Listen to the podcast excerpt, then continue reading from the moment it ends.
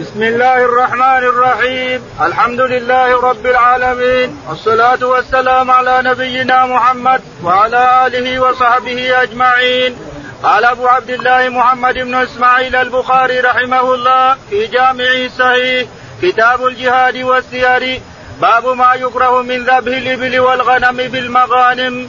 قال رحمه الله حدثنا موسى بن إسماعيل قال حدثنا أبو عوانة عن سعيد بن مسروق عن عباية بن رفاعة عن جده رافع بن خديج قال كنا مع النبي صلى الله عليه وسلم بذي الحليفة فأصاب الناس جوع وأصبنا إبلا وغنما وكان النبي صلى الله عليه وسلم في أخريات الناس فعجلوا فنصبوا القدور فأمر بالقدور فأكبيت ثم قسم فعدل عشرة من الغنم ببعير فند منها بعير وفي القوم خيل يسير فطلبوه فعياهم فأهوى إليه رجل بسهم فحبسه الله فقال هذه البهائم لها أوابد كأوابد الوحش فما ند عليكم فاصنعوا به هكذا. فقال جدي إنا نرجو أو نخاف أن نلقى أن نلقى العدو غدا وليس معنا مدى.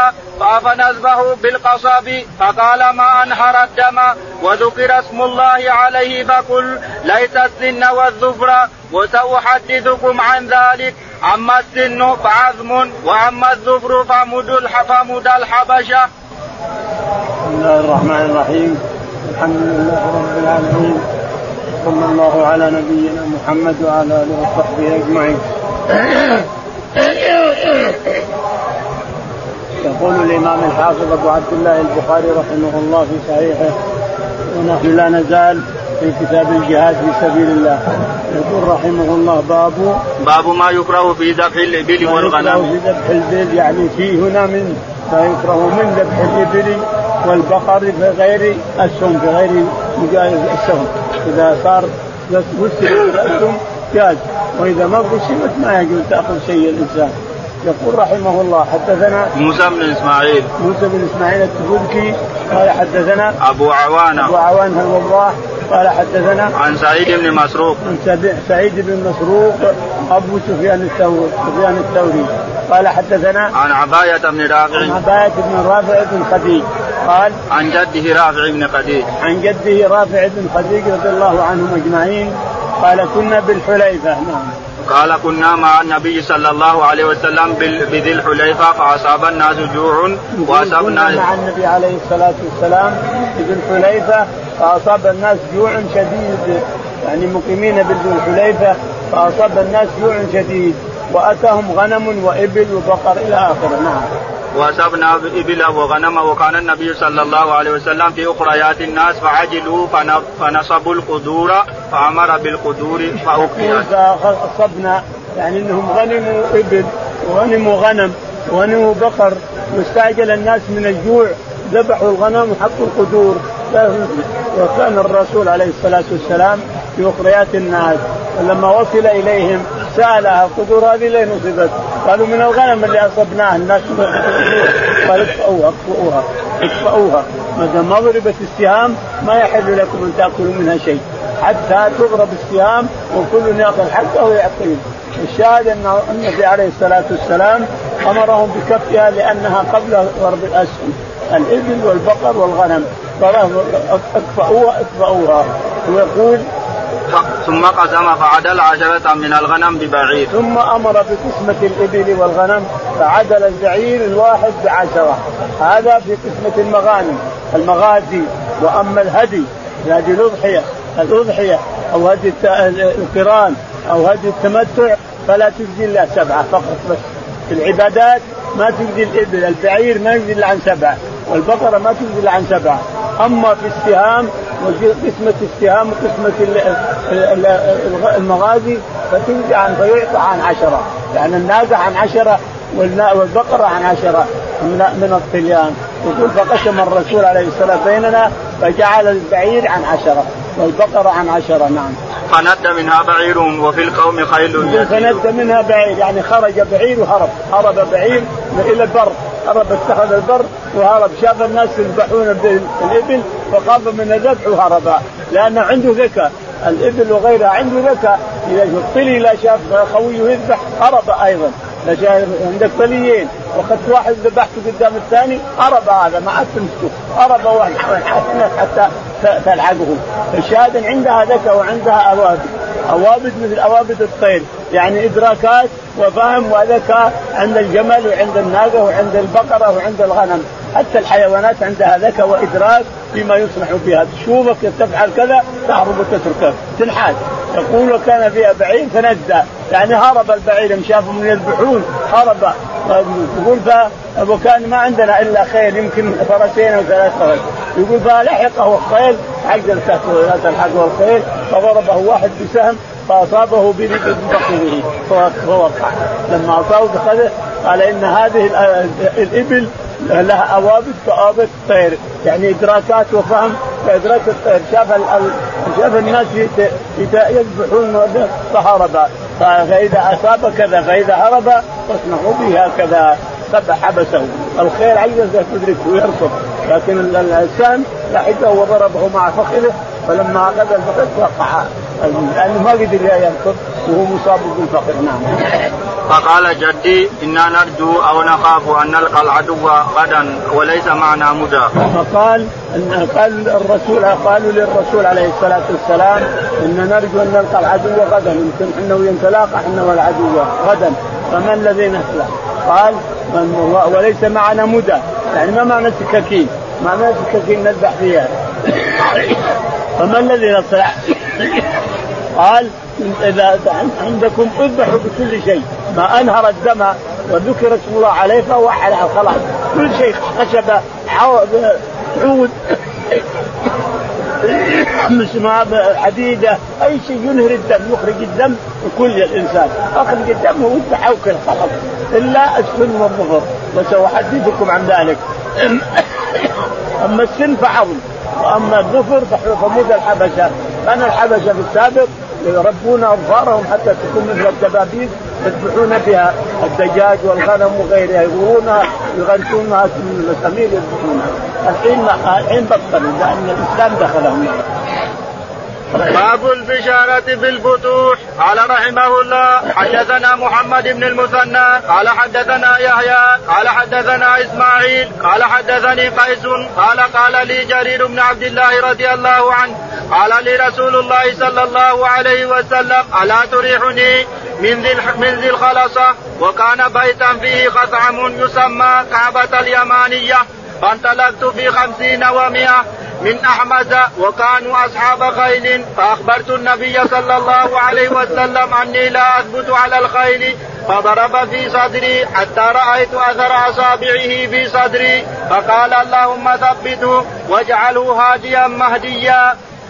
فانطلق إليها فكسرها وحركها فأرسل إلى النبي صلى الله عليه وسلم يبشره فقال فقال رسول جرير يا رسول الله والذي بعثك بالحق ما جئتك حتى تركتها كأنها جمل أجرب فبارك على خيل على خيل أحمد ورجالها ورجالها خمس مرات قال مسدد بيت في خثعمه. يقول البخاري يقول البخاري رحمه الله حدثنا باب البشارة في الفتوح. باب البشارة في الفتوح. يعني إذا فتح الناس وهزموا المشركين يرسلون الناس يبشرون المسلمين. يقول رحمه الله حدثنا محمد بن المثنى. محمد بن المثنى قال يحيى بن سعيد القطان. حدثنا يحيى قال حدثنا إسماعيل بن أبي خالد. إسماعيل بن أبي خالد عن قيس بن أبي حازم قال عن جرير بن عبد الله. عن جرير بن عبد الله البجل رضي الله تعالى عنه أنه أتى النبي عليه الصلاة والسلام فبايعه على الإسلام وبرك عليه وقال يا رسول الله وقال قال له الرسول طلب منه الرسول عليه الصلاة والسلام أن يحرق الخلصه وكانت تسمى الكعبة اليمانية. الخلصه عند بجيله بجيله وراء الطائف على أيمن الباحة. تسمعون بالباحة. على أيمن الباحة. أهل البجري فلان فلان البجري فلان بجيلة. قبائل كبرى. يقول فكان قال يا جرير أرحني من ذي الخلصة، الخلصة يسمونها الكعبة اليمانية، يعبدونها من دون تجي المراه تقول يا خلصة أعطيني حمل. لو خلص أعطيني زوج. وهذه تقول خذها الجمل هدية لك تنحر عليها. يعني شرك أكبر نعوذ بالله. فقال, فقال أرحني يا جرير أرحني من ذي الخرصة وقال يا رسول الله أنا عندي 150 من الخيل من منها ثقيلة سنهدمها إن شاء الله وآتيك الخبر لكني لا أثبت على الفرس. يا رسول الله أنا عندي 150 أقودهم. لكن أنا ما أثبت على الفرس. فركبت الرجل وقعد فحط يده فحته على صدري حتى احسس برد يده يده من صدري. يقول فكنت لو يطير طيران. ما اقع أول كنت أقل حركة اقع من الفرس. الآن لو يطير الفرس يطير الفرس طيران ما وقعت يقول فذهبت إلى الخلصه وحرقتها تحريقا حتى خرج منها جنية وذبحوها بعدما حرقوا القصر اللي يسمى في شيطان بالنية تعبد من دون الله. قتلوها وأرسل الرسول وأرسل جرير بشيرا للرسول عليه الصلاة والسلام. قال يا رسول الله والله ما أتيتك منها إلا وهي من البعير الأجرب، الأجرب إذا صار أجرب. الحبوب اللي تطلع الجمل إذا صار أجرب يطلونه بالزفت يعني حتى كأنها مطليه بالزفت هذا الخلاصة. ففرك على جرير على بشيره برك على بجيرة وخيرها. لكن ما الذي حصل؟ الآن هي تعبد من اليوم هذا الخلصة لأن الرسول عليه الصلاة والسلام قال لا تقوم الساعة حتى تضطرب اليات نساء دوس على ذي الخلطة الآن تعبد من الله كما كانت تعبد أيام الرسول عليه الصلاة والسلام. الآن موجودة. الخلصة موجودة تعبد ويشرك الشرك فيها الأكبر إلى اليوم لأن الرسول أخبر. أنها ستعود كما كانت سابقا. تعود تعبد من دون الله كما كانت. الخلصة لا تقوم الساعة حتى تضطرب أليات نساء دوس على ذي الخلصة يطوفون بها مثل ما يطوف الناس بالكعبة باب ما يعطى البشير وأعطى كعب بن مالك ثوبين حين بشر بالتوبة. يقول البخاري باب ما يعطى البشير. جاءك إنسان يبشرك بشيء؟ تعطيه الإنسان هدية ساعة ولا شنطة ولا ثوب ولا اللي تبيه مثل ما فعل كعب بن مالك رضي الله عنه. باب لا هجرة بعد الفتح. قال رحمه الله قال حدثنا آدم بن أبي قال حدثنا شيبان عن منصور عن مجاهد عن طاووس ابن عباس رضي الله عنهما قال قال النبي صلى الله عليه وسلم يوم فتح مكة لا هجرة ولكن جهاد ونية وإذا استنفرتم فانفروا. يقول البخاري رحمه الله باب لا هجرة بعد الفتح يعني من مكة لأن أهل مكة صاروا مسلمين وكل بلد تصير مسلمة بعد الكفر لا هجرة منها. لكن الهجرة ما ما تنقطع الهجرة حتى تنقطع التوبة ولا تنقطع التوبة حتى تطلع الشمس من مغربها حتى الهجرة ما تنقطع. إلى اليوم إذا صار إنسان بلاد المشركين وأراد أن يهاجر يهاجر. هاجر عن المشركين إلى بلاد الإسلام. فالهجرة ما تنقطع حتى تنقطع التوبة ولا تنقطع التوبة حتى تطلع الشمس من مغربها. حينئذ تقوم الساعة ذلك اليوم. وإنما لا هجرة بعد فتح مكة لأنهم صاروا مسلمين. لا هجرة بعد الفتح يعني من مكة لأنهم صاروا مسلمين. نعم. السند حدثنا آدم بن أبي حدثنا آدم بن أبي قال حدثنا شيبان بن عبد الرحمن. نعم. شيبان. شيبان بن عبد الرحمن. قال حدثنا منصور بن المعتمد منصور بن المعتمد قال حدثنا عن مجاهد. عن مجاهد قال عن داوود بن كيسان. عن داوود بن كيسان قال عن ابن عباس.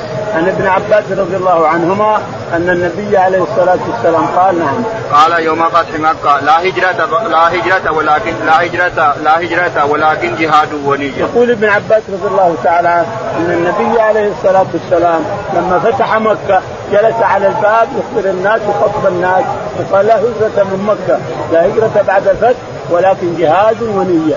يعني أنتم أهل مكة وغير أهل مكة ما في هجرة خلاص أنتم صرتم مسلمين ولكم عليكم أن تجاهدوا في سبيل الله بنية صادقة صالحة ولا خلاص مكة ما ما فيها هجرة لأن أهلها صاروا مسلمين نعم. وإذا استنفرتم فانفروا.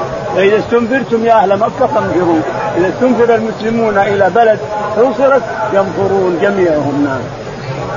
قال رحمه الله حدثنا إبراهيم بن موسى قال أخبرنا يزيد بن زريع عن خالد عن أبي عثمان النهدي عن مجاشع بن مسعود قال جاء مجاشع بأخيه مجالد بن مسعود إلى النبي صلى الله عليه وسلم فقال هذا مجالد يبايعك على الهجرة فقال لا هجرة بعد فتح مكة ولكن أبايعه على الإسلام. يقول البخاري رحمه الله حدثنا إبراهيم بن موسى. إبراهيم بن موسى قال حدثنا يزيد بن زريع. يزيد بن زريع قال حدثنا عن خالد الطحان. عن خالد الطحان قال عن أبي عثمان. عن أبي عثمان النهدي قال عن مجاشع بن مسعود. عن مجاشع بن مسعود أنه أتى بأخيه للنبي عليه الصلاة والسلام بالمدينة وكانوا أعراب. يعني هم بادية هو مجاشع ومجالد. فجاء إلى النبي عليه الصلاة والسلام بالمدينة فقال يا رسول الله هذا أخي مجالد يريد أن يبايعك على الهجرة. على قال لا هجرة بعد الفتح ولكن يبايعوني على الإسلام. الهجرة خلاص. يبايعون على الهجرة خلاص ما في هجرة الآن. انتهت الهجرة. لكن يبايعون يبايعون على الإسلام. فبايعه على الإسلام. نعم. قال رحمه الله حدثنا علي بن عبد الله قال حدثنا سفيان قال عمرو وابن جهيد سمعت عطاء يقول ذهبت مع عبيد بن عمير إلى عائشة رضي الله عنها وهي مجاورة بسبيل فقالت لنا انقطعت الهجرة منذ فتح الله على نبيه صلى الله عليه وسلم مكة. يقول البخاري رحمه الله حدثنا علي بن عبد الله. علي بن عبد الله بن المديني قال حدثنا سفيان بن عيينة. سفيان بن عيينة قال عن عمرو بن دينار. عن عمرو بن دينار وابن جريج. وابن جريج أنهما ذهبا إلى عائشة رضي الله عنها. قالوا سمع قالوا قالوا سمع سمعت عطاء يقول سمعت عطاء بن أبي رباح نعم. ذهبت مع عبيد بن عمير إلى عائشة رضي الله عنها. ذهبت مع عبيد بن عمير عطاء يقول ذهبت مع عبيد بن عمير إلى عائشة وهي مجاورة مجاورة يعني بمكة بأراضي مكة ساكنه المزدلفة. والمزدلفه جبل كبير في المزدلفة. المشركين كانوا يقولون أشرك كبير كيما نغيب. فخالفهم الرسول عليه الصلاة والسلام وجلس وصرف قبل الاشراك قريش كانوا يوقفون من الحج من مزدلفه حينما يشرق الشمس على رؤوس الجبال.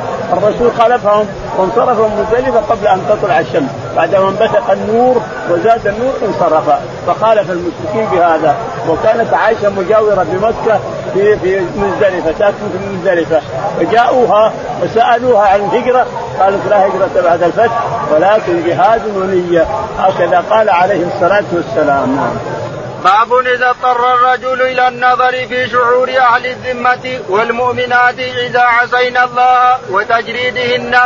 قال رحمه الله حدثنا محمد بن عبد الله بن حوشب الطائفي. قال حدثنا هشيم. قال أخبرنا حسين عن سعد بن عبيدة عن أبي عبد الرحمن وكان عثمانيا فقال لابن عطية وكان علويا إني لاعلم ما الذي جرى صاحبك على الدماء. سمعته يقول بعثني النبي صلى الله عليه وسلم والزبير.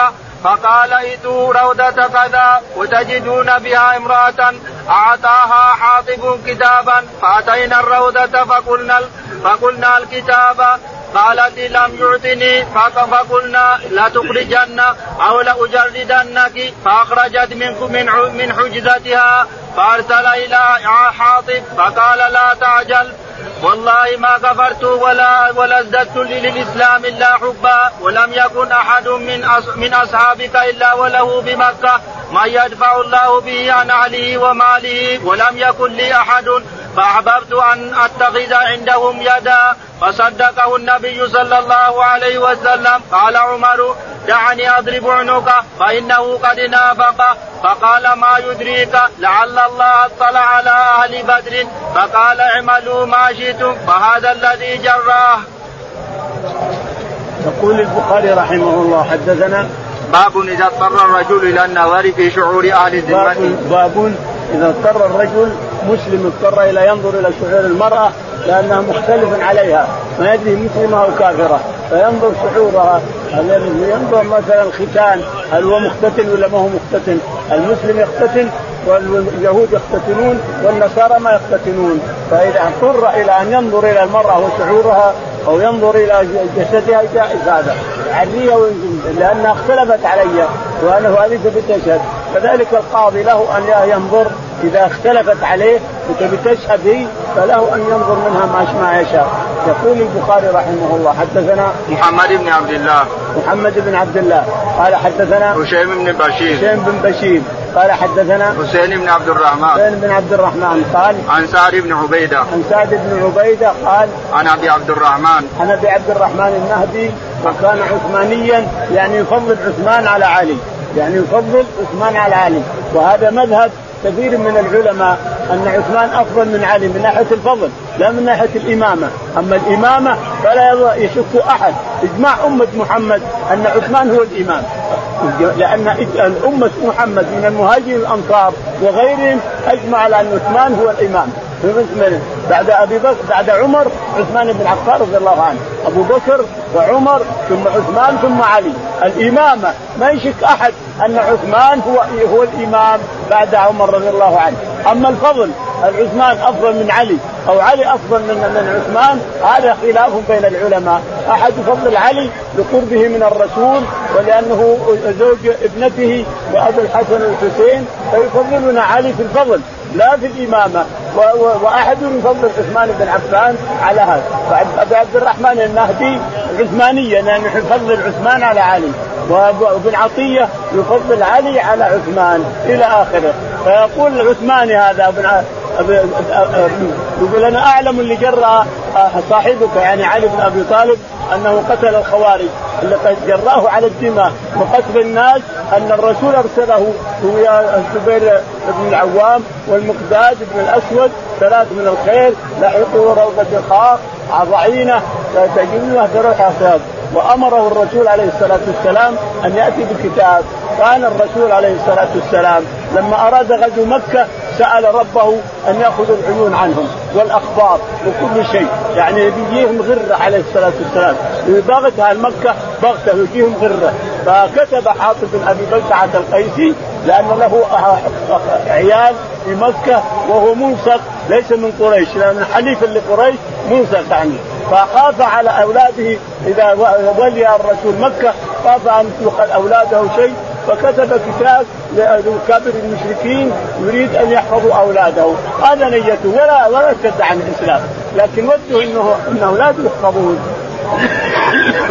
فجاء من الوحي من الله تعالى وتقدس إلى الرسول عليه الصلاة والسلام وقال يا علي اذهب أنت والمقداد والزبير وانظروا الرحينة تجدونها بروضة خاق، روضة خاق لا طلعت من الحرة كلها، متجها إلى مكة. من المدينة إلى الحرة كلها، عند بير الماشي هناك تجد الروضة، روضة هذه كبيرة محيطة بها حرة وفيها حشيش وفيها عش وفيها شجر. هناك تسمى الروضة، تجدونها بروضة خاق، يقول هذا ذهب علي رضي الله عنه والزبير ومقداد بن أسود على خيرهم يتعادون حتى وجدوا الضعينه في المكان اللي عينه الرسول عليه الصلاة والسلام. فقالوا لها أعطينا الكتاب يا ضعينه يا آمة الله أعطينا الكتاب الذي أعطاك حاطب بن أبي بكر. قالت ما معي كتاب.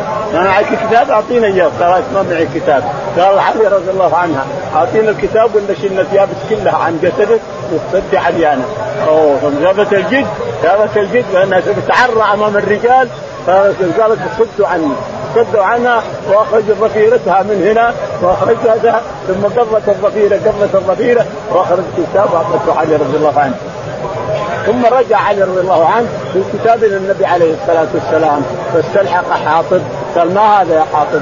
قال يا رسول الله لا تعجل. أنا ملصق في قريش ولي أولاد ولي خوات هناك ولا يحميهم أحد. واصحابه كل إنسان من قريش له أصحاب يحمونه. فخفت على أولادي وخفت على كذا. نزل في حاطب آية سورة كاملة. يعني الممتحنة سورة الممتحنة نزل أنزلها الله دوما لحاطب بن هذا انت هاجرت مؤمن لله بالله بالله ورسوله ولا هاجرت كذا. انت امنت بالله وتثق بالله ولا تتكل على الله في عيالك وغير عيالك إلى آخره. سورة الممتحنة الممتحنة كلها بحاطب. فقال عمر رضي الله عنه قال يا رسول الله دعني أضرب عنقه. فإنه قد نافق. فقال الرسول عليه الصلاة والسلام لعل يا عمر لعل الله اطلع على أهل بدر قال اعملوا ما شئتم فقد غفرت لكم. وحاطب حضر بدر. حاطب من ابي سعد القيسي حضر وقعه بدر رضي الله عنه وأرضاه. الرسول عليه الصلاة والسلام جيش عشرة آلاف جندي لمكة لبس مكة. ولما وصل مر الظهران هنا عزم على كل شخص أن يوجد نار. فأوجدوا عشرة آلاف نار. ليش؟ يرعب أبو سفيان. لأن سفيان يخرج برا يتطلع وش اللي حصل؟ انتقم العهد بينه وبين محمد فما الذي حصل؟ لما طلع أبو سفيان وجلس على جبل من الجبال إلى عشرة آلاف نار تمر ظهره ونعم صدى وحزن حزن شديد وخاف خوف شديد إيش هذا؟ إيش هذا؟ إيش هذا؟ العباس رضي الله تعالى عنه ركب بغلة الرسول عليه الصلاة والسلام وجاء يستلذذ لعل أحد لا تدخل الجيوش هذه على مكة وهم أمنوهم فوجد أبو سفيان. قال بالفضل؟ قال نعم قال سوداد قال تعال تعال تعال تعال. ادخل على الرسول عليه الصلاة والسلام واستعمل من أهل مكة. فتدخل الجيوش هذه والله يطعونكم وطيب. فدخل على الرسول وقال له أسلم. علي رضي الله عنه قال له أسلم. قال أشهد أن لا إله إلا الله. قال وأن محمد رسول قال هذه شوية اصبر علي قليل لما أفكر. فقال له علي أسلم قبل يروح رأسك. أسلم. قل أشهد أن محمد قبل يروح رأسك. عمر سلم سيفه يقتله قال لا تعجل يا عمر. لا تعجل عليه. الشاهد أنه أسلم الاسلام عدد حاصر عليهم. ثم قال له الرسول قال لعباس يا عم خذ ابي سفيان واحبسه في المأزمين هنا. طريق الجبل خلى الخيل تمر عليه. الجيوش كلها تمر عليه. كل راية تمر. فحبسه وكل ما مر قبيلة وراية لمن هذه؟ قال هذا أسلم. بلغت ألف. وغفار بلغت ألف. وسليم بلغت ألف. ومزينة بلغت ألف. ومزينة قال مالي ولد مزينة ومالي ولد هذا.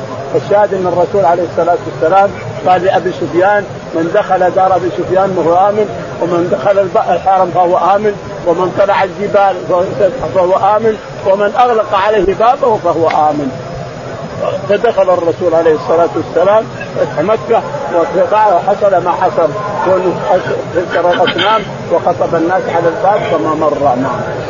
باب استقبال الغزاة. قال رحمه الله حدثنا ابن أبي حدثنا عبد الله بن أبي الأسود. قال حدثنا يزيد بن زريع وحميد بن الأسود عن حبيب بن شهيد عن ابن أبي مليكة. قال ابن الزبير لابن جعفر رضي الله عنهم أتذكر إذا تلق تلقينا رسول الله صلى الله عليه وسلم أنا وأنت وابن عباس. قال نعم فحملنا وتركك. يقول البخاري رحمه الله باب باب استقبال الغزاة. يقول باب استقبال الغزاة.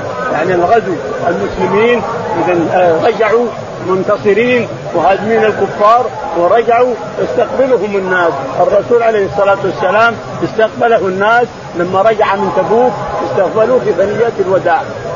جبل أحد. جبل أحد يساره دليل على اليسار ثلاث ثنايا تسمى ثنيات الوداع وهي التي ترقص فيها الجواري. طلع البدر علينا من ثنيات الوداع وجب الشكر علينا ما دعا لله داع. ومن اخى ومن وبعض العلماء وبعض المؤرخين للمدينة يقول ثنيات الوداع عند قبى عندما قدم الرسول عليه السلام المدينة. هذا كله غلط في غلط. كله غلط في غلط. الرسول عليه الصلاة والسلام لما قدم المدينة نزل على عمرو بن كلثوم ابن الهدم في قبى ما عرف ما درى عنه أحد ولا علم عنه أحد إلى سبعة أيام. جالس الرجل ما حد درى عن الرسول عليه الصلاة والسلام حتى أخبر بعد ذلك للصحابه وجاءوا إليه. قبائل كل قبيلة تقول إلينا يا رسول الله إلى العدد والعدة. بعدما أخذ سبعة أيام ما حد درى عنه. سبعة أيام ما حد علم عنه.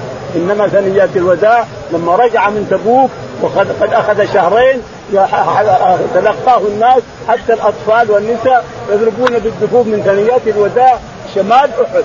لقيت أحد الإنسان شمالك على الشمال منها ثلاث ثنيات تضربنا على طلع البدر علينا من ثنيات الوداع إلى آخره. نعم.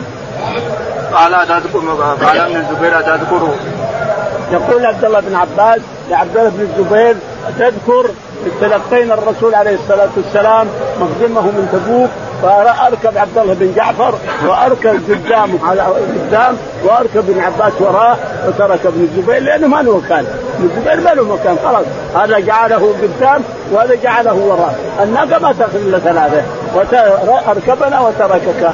ما عليه لوم. لأن ما له مكان ابن الزبير حتى يركبه الناقه ما تاخذ الا ثلاثة فقط. نعم. قال رحمه الله حدثنا مالك بن إسماعيل. قال حدثنا ابن عيينة عن الزهري. قال قال السائب بن يزيد رضي الله عنه ذهبنا نتلقى رسول الله صلى الله عليه وسلم مع الصبيان إلى ثنيه الوداع يقول البخاري رحمه الله حدثنا مالك بن إسماعيل. مالك بن إسماعيل. قال حدثنا ابن عيينة. ابن عيينة. قال حدثنا عن الزهري. عن الزهري. قال حدثنا السائب بن يزيد. السائب بن يزيد رضي الله عنه يقول حج به أبوه ابن سبع سنوات. السائب هذا. يقول السائب تلقينا الرسول عليه الصلاة والسلام لما رجع من تبوك الغلمان والأطفال والنساء كله يضربون بالكفوف يقول تلقينا الرسول عليه الصلاة والسلام يعني فيه أن المسلمون يتلقون نزل منه وجاء إلى الرسول ما لك في دافع يومي؟ قال عليك بالمرأة عليك بالمرأة فذهب أبو طلحة ونزع ثوبه وجعله على وجهه لئلا يشوف يرى المرأة. لما أتى إليها قطعها بالثوب. لما غطاها استقعدت فيه متواسد. ثم بعد ذلك قاموا شد لهم بعيرهم وشد الشداد وكربه وصلحه فلما صلح قام الرسول عليه الصلاة والسلام وركب وأركب المرأة خلفه على ما كان عليه سابقا حتى وصل إلى المدينة. لما وصل إلى المدينة وقرب منها صار يقول هذا الدعاء آيبون تائبون ساجدون لربنا حامدون. صدق الله وعده ونصر عبده. وهزم الأحزاب وأحتى إلى آخره حتى دخل المدينة عليه الصلاة والسلام. هذا هو الشاهد.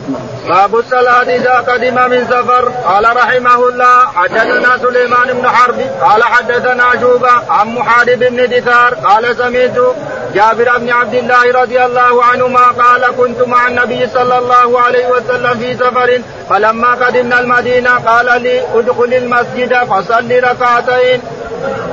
يقول البخاري رحمه الله باب الصلاة عند قدوم الإنسان من السفر. جئت من سفر إلى بلدك الإنسان اذهب إلى المسجد أولا بعد ما تحط رحلك وتصلي ركعتين الإنسان شكر لله على أوصلك بالسلامة. يقول البخاري رحمه الله حدثنا سليمان بن حرب. سليمان بن حرب. قال حدثنا شعبة. شعبة. قال حدثنا محارب بن دثار. محارب بن دثار. قال حدثنا عن جابر بن عبد الله. جابر رضي الله تعالى عنه أن النبي عليه الصلاة والسلام قال نعم. قال كنت مع النبي صلى الله عليه وسلم في سفر فلما قدمنا المدينة. كنت مع النبي عليه الصلاة والسلام في سفر فلما قدمنا المدينة يعني أنه حصلت بيعة الجمل وأعطاه بأواق إلى آخره. يقول فأتيت فقال لي الرسول قد صلى وجلس.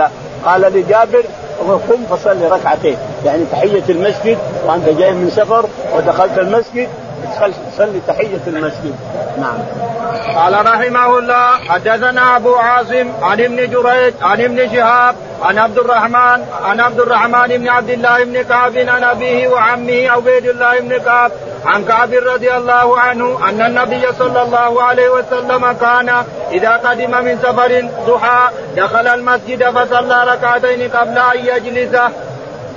يقول البخاري رحمه الله حدثنا حدثنا أبو عاصم. أبو عاصم الضحاك. قال حدثنا عن ابن جريج. عن ابن جريج عبد العزيز عبد الملك. قال حدثنا عن ابن شهاب. عن ابن شهاب الزهري. قال عن عبد الرحمن بن عبد الله بن كعب بن مالك. عن عبد الرحمن بن عبد الله بن كعب بن مالك وكان قائد أبيه. قال عن كعب بن مالك. يقول كعب يعني وعمه عبيد الله بن كعب بن مالك. عبيد الله بن كعب بن مالك. قال عن كعب بن مالك. عن أبيه كعب. قال أن النبي صلى الله عليه وسلم كان إذا قدم من سفر ضحى يقول إن النبي عليه الصلاة والسلام كان إذا قدم من سفر ضحى دخل المسجد فصلى ركعتين دائما. إذا دخل ضحى ما هو بنهي يعني؟ دخل ضحى ودخل المسجد وصلى ركعتين عليه الصلاة والسلام. نعم. وهذا هو السنة.